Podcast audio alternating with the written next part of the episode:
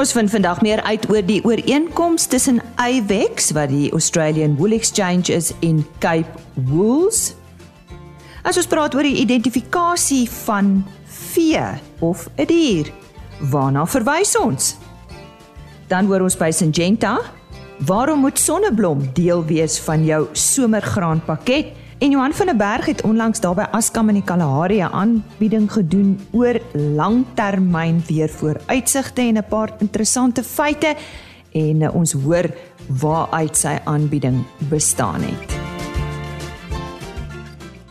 My naam is Lise Roberts. Jy is ingeskakel by RSG Landbou. Goeiemôre en baie welkom. Woorde soos naspeurbaarheid, biosekuriteit, vee diefstal, identifikasie, plaasbestuur Al hierdie woorde hou verband. Ek gesels nou met Rachel Kloete van GMP Basic en sy verduidelik. Lise, dankie. So dikwels word hierdie woorde in isolasie gebruik. En eintlik hoort hierdie woorde almal saam. Want identifikasie, biosekuriteit, uh, sertifisering van diere vir gesondheid, ehm um, naspeurbaarheid is een groep. En sonder dat jy individuele identifikasie nou nie hier inbring nie, dan val al hierdie ander makante toe. En ek dink dis die grootste uitdaging om hierdie begrip dat al hierdie goed werk saam en dit gaan terug na identifikasie van 'n individuele dier of kommoditeit. Dis baie belangrik. Nou gebeur dit nie deesdae nie. Ek dink ons is besig om na 'n nuwe fase toe te beweeg wat wêreldgesondheid, produksie, reproduksie, insetkoste pertinent na vore tree. Kyk, dit was nog altyd daar, hmm. maar dit word nou baie belangrik. Um mense bekommer hulle, verliese word gelei, diere siektes soos die FMD uitbrake. Dit dit is groot kommer vir die produsent. En hoe bestuur en beheer mens dit? Hoe voeg jy waarde toe tot produksie as jy nie die kommoditeit waarmee jy werk nie, dis die dier, individueel kan identifiseer dat jy sy prestasie kan meet, sy siekte toestand kan doen en met vertroue jou vir 'n uh, ehm uh, verbruikers kan gerusstel. Ek as produsent maak 'n verklaring dat hierdie dier is geskik vir die mens om te ge, in te neem. Nou goed, jy sê elke dier moet 'n aparte identifikasie hê. Nou kom ja. ons gebruik 'n voorbeeld soos vee diefstal. Ek bedoel daar is 'n wet. Ja, ja. Wat Kijk, sê die wet? Verseker, die wet sê of die wet bepaal hmm. dat 'n eienaar verantwoordelik is om sy diere of te brandmerk en of te tatoeëer sodat die eienaar van die dier maklik geïdentifiseer kan word.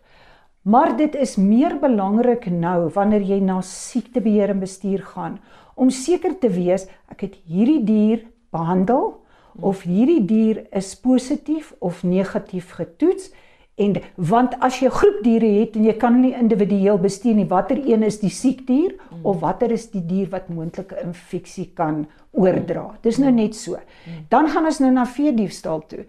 As jy 'n groepie diere het, soms gebeur dit dat diere verhandel uh voordat hulle nog gebrandmerk is, dan kan jy eers die eienaar opspoor. En dan tweedens kan jy die individuele dier erken. En dit kan vee diefstal help om dan baie gou onderskeid te maak tussen 'n groep diere wat daar staan aan wie behoort watter dier ter ondersteuning van die brandmerk. So wat is die voordeel van hierdie identifikasie waarvan jy praat?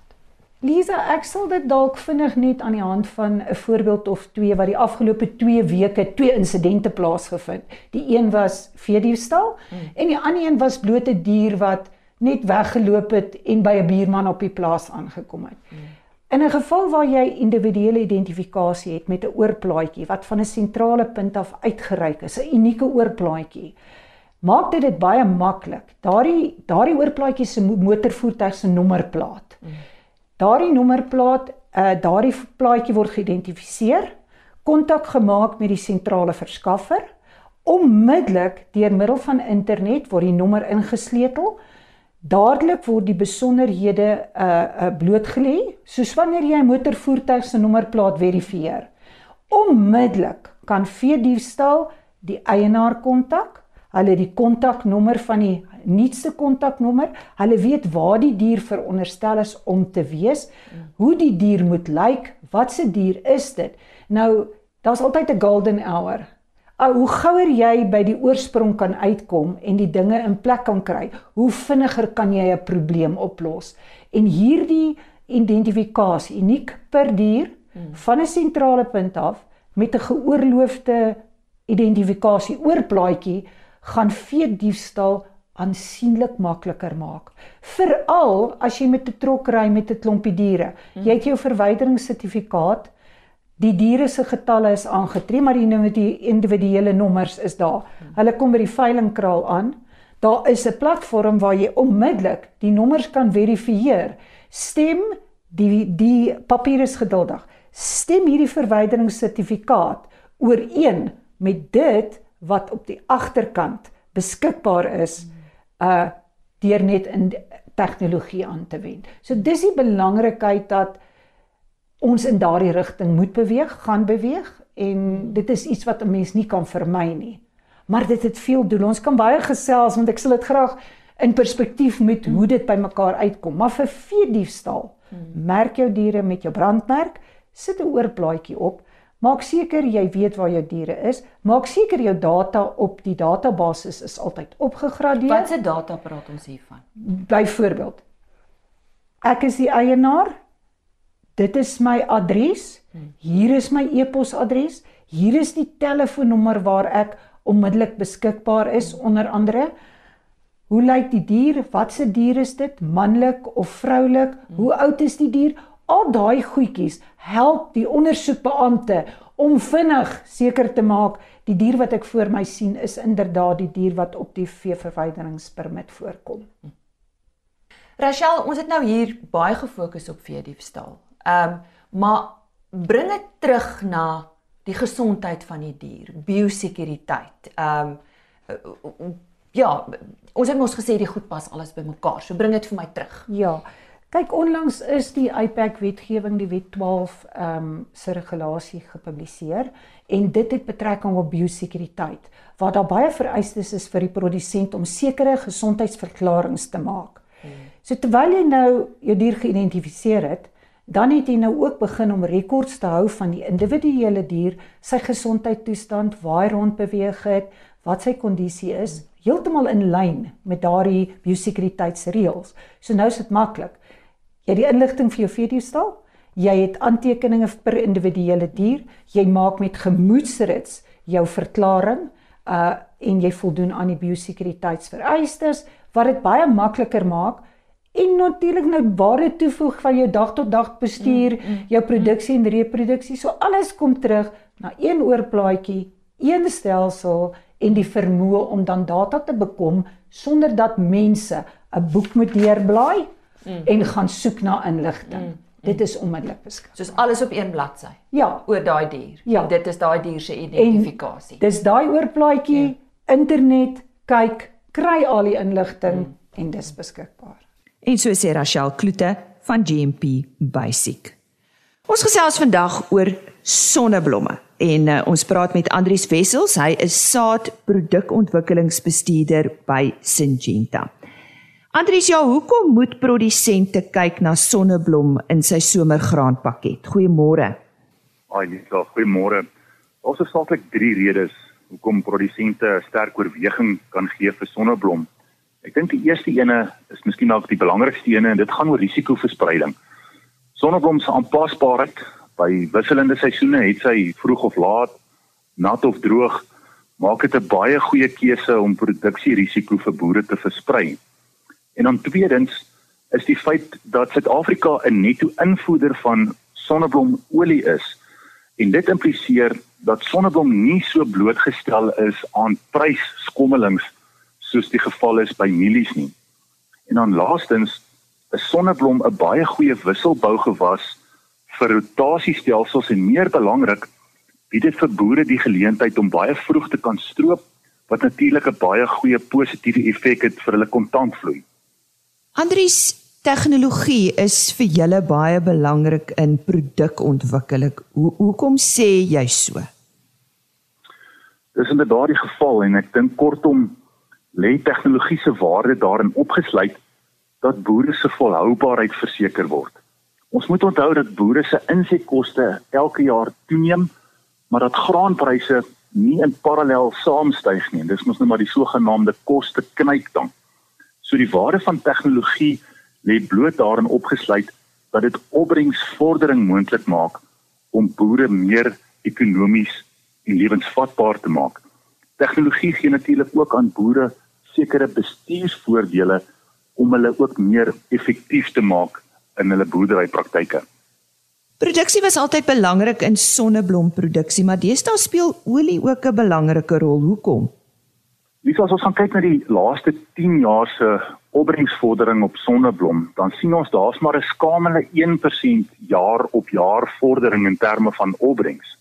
En as ons dit gaan vergelyk met mielies, dan sien ons 'n 4% jaar op jaar verhoging in terme van opbrengs.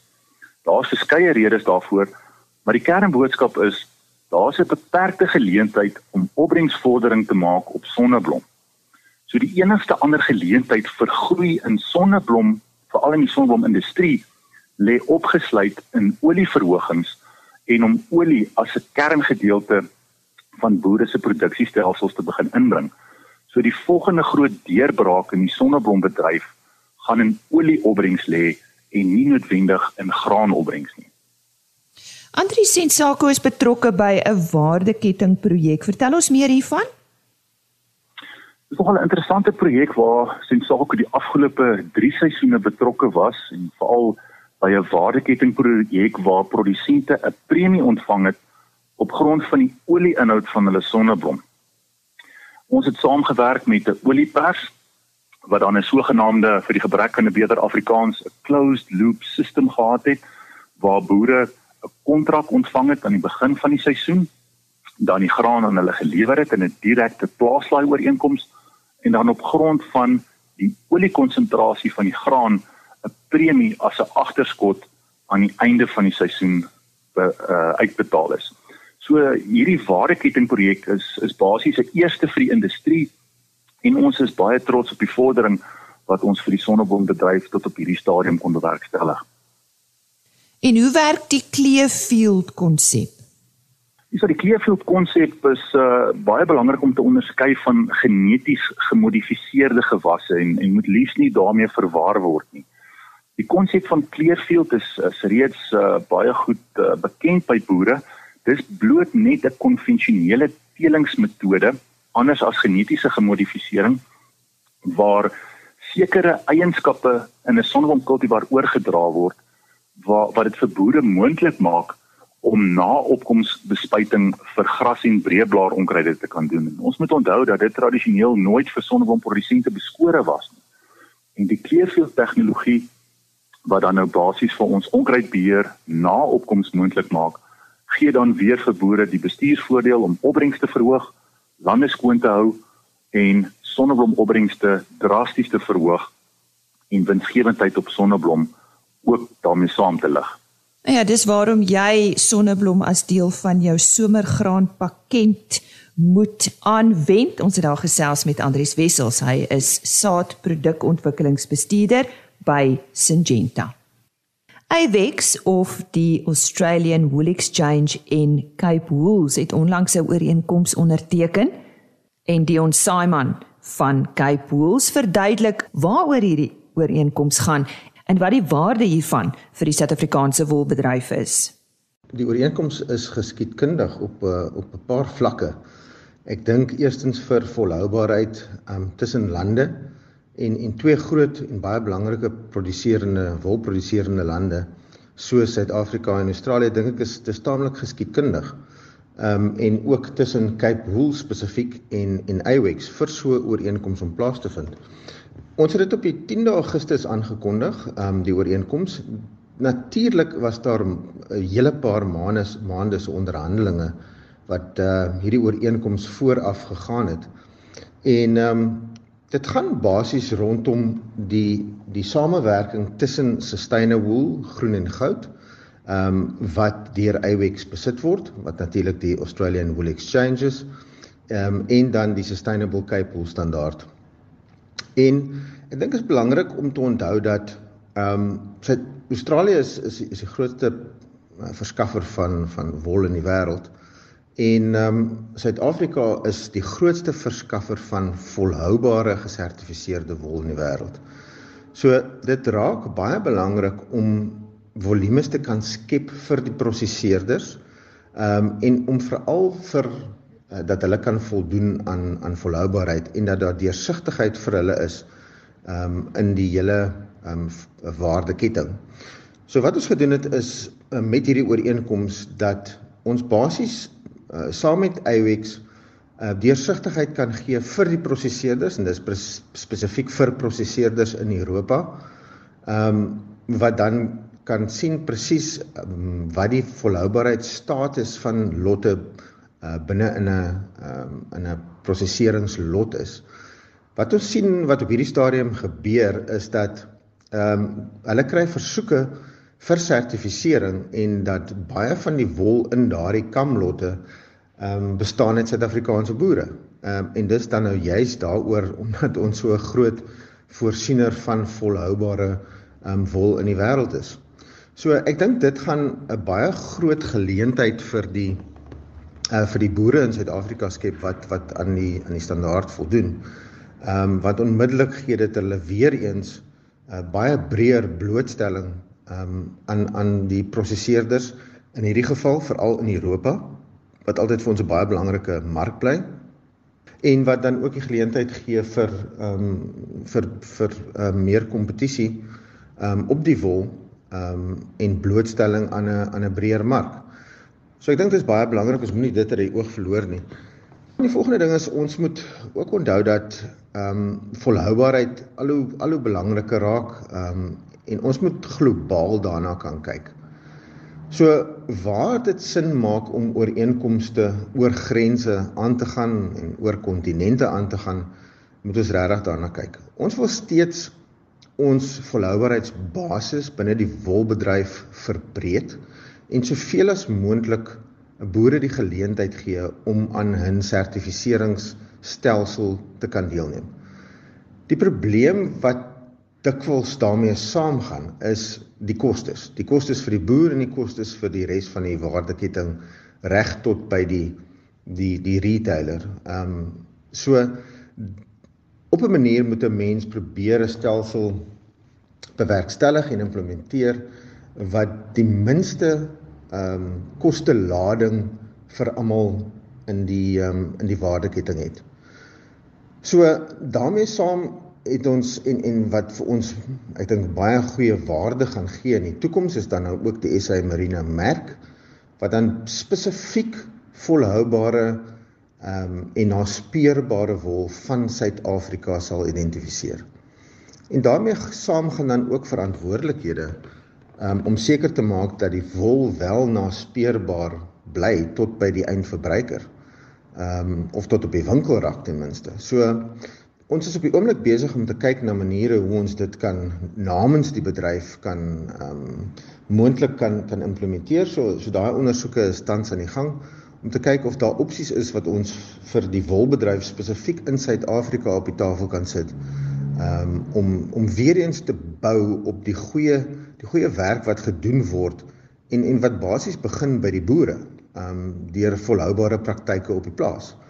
En en dis baie belangrik ek ek wil graag net weer eens die punt baie beklemtoon. Ehm um, dat wat ons probeer doen is om ehm um, 'n koste-effektiewe deursigtige naspeurbare wolwaardeketting ehm um, in plek te probeer stel. Wat dit so maklik as moontlik vir die vir die handelsmerke en jou jou groot modehuise maak om na Suid-Afrika te kyk as die voorkeurverskaffer van wol in die wêreld. So ek dink met die ooreenkomste wat ons reeds onderteken het, um, beide binne Suid-Afrika en dan ook met die Schneider groep um, van Italië eh, waar die Sustainable Cape Wool standaard dan nou op hulle Authentico platform erken word met IWEX uh, met verskeie ander besprekings wat ons tans doen. Dink ek gaan ons in die toekoms regtig ehm um, waarde kan toevoeg um, vir die wolbedryf in Suid-Afrika en dan spesifiek ook vir die wolboer. En so sê Dion Simon, hy is hoofbestuurder van Cape Wools. Ja, afgelope paar jaar was droogte die een onderwerp wat op almal se lippe was. Johan van der Berg het tydens 'n boeredag op Askam in die Noord-Kaap met die boere gesels oor die kanse van reën vir die volgende reenseisoen en hy het baie goeie nuus vir almal. Koos de Pisani het hom vorige keer om te hoor wat die boere kan verwag vir die volgende reenseisoen. Johan van der Berg is 'n onafhanklike landbou uh, weerkundige en hy het op Askam by tydens 'n boeredag het hy met die boere gesels oor die weerpatrone en die tendense in die weerpatrone. Nou ek het hom 'n bietjie voorgekeer om uit te vind um, wat presies dit alles behels. Johan, um, ons praat maklik van droogte, maar wat wat is die definisie van droogte? Daar's eintlik 'n hele klomp definisies. Uh dit hang af uit watter hoek 'n mens kyk. Die eerste definisie uh wat ons noem is 'n weerkundige droogte. Uh so dit is as daar ondergemiddelde reënval voorkom. Maar uh, as ons kyk na die droogtes wat wat landboukundiges ervaar, kan 'n mens ook 'n uh, 'n landboudroogte uh, definieer. So dit is as daar gedurende die die groeiseisoen uh nie die regte hoeveelheid reën voorkom nie. En dan kan ons ook kyk na 'n hidrologiese droogte wanneer die uh oppervlakwater en selfs ondergrondse waters minder is. So ons kan redelik reën kry maar laat daar nie genoeg afloop is uh om uh om om damme en ondergrondse water aan te vul nie. Uh dan het ons nie noodwendige weerkundige droogte nie, maar ons sit steeds met 'n landboukundige of 'n uh, hidrologiese droogte. En al hierdie goed kan saamgaan in wat ek noem 'n sosio-ekonomiese droogte. So dit is as boere en gebruikers uh nie meer kan kan geld maak nie en nie meer volhoubaar kan boere soos na die landbou kyk. Johan, mense hoor dikwels dat klimaatsverandering is 'n sonnebok wat uitgesonder word vir baie dinge en onder andere vir die vir die weerpatrone in ons in ons land. Maar is klimaatsverandering regtig so 'n pertinente speel regtig so 'n pertinente rol in die uh reëntoestand of die reëntendense wat ons het? Klimaatsverandering, daar's geen twyfel dat daar wel klimaatsverandering is nie. Ehm um, dit is egter hoe dit die die weer uh, impakteer wat belangrik is. Dit normaalweg uh is die grootste probleem wat boere ervaar word veroorsaak deur klimaatsvariasie. So dit is hierdie die afwyking rondom die gemiddeld. Ons sien droër jare, natter jare, maar klimaatsverandering kan 'n addisionele faktor bysit wat uh, meer reën as die normale gee of droogtes laat langer aanhou. Maar uh dit is die addisionele faktor en nie die primêre faktor of oorsaak van droogtes nie. Nou, wat behels die klimaatsveranderlikes teenoor die klimaatsverandering uh wanneer jy verwys het in jou praatjie? Klimaatsverandering is 'n wegbeweeg, 'n permanente wegbeweeg uh vanaf die langtermyn gemiddeld. So ons sien dat uh temperature warmer word en ons sien dit gebeur met die aarde se temperatuur wat in die afgelope meer as 100 jaar uh met omtrent 1 1.2 grade Celsius gestyg het. Daar is klimaatsverandering, maar dan klimaatsveranderlikheid ehm uh, is waar ons die variasie rondom die gemiddeld sien. Uh ons sien dat uh, daar agtereenvolgende jare is wanneer dit kouer is uh of warmer, maar die die die lineêre tendens is klimaatsverandering. Uh maar ons sien dat hierdie sikliese tendens uh, ook daar's. Baie interessant as 'n mens gaan kyk na wat met temperatuur gebeur. Ek het byvoorbeeld 'n ontleding vir Prieska in die Noord-Kaap gedoen.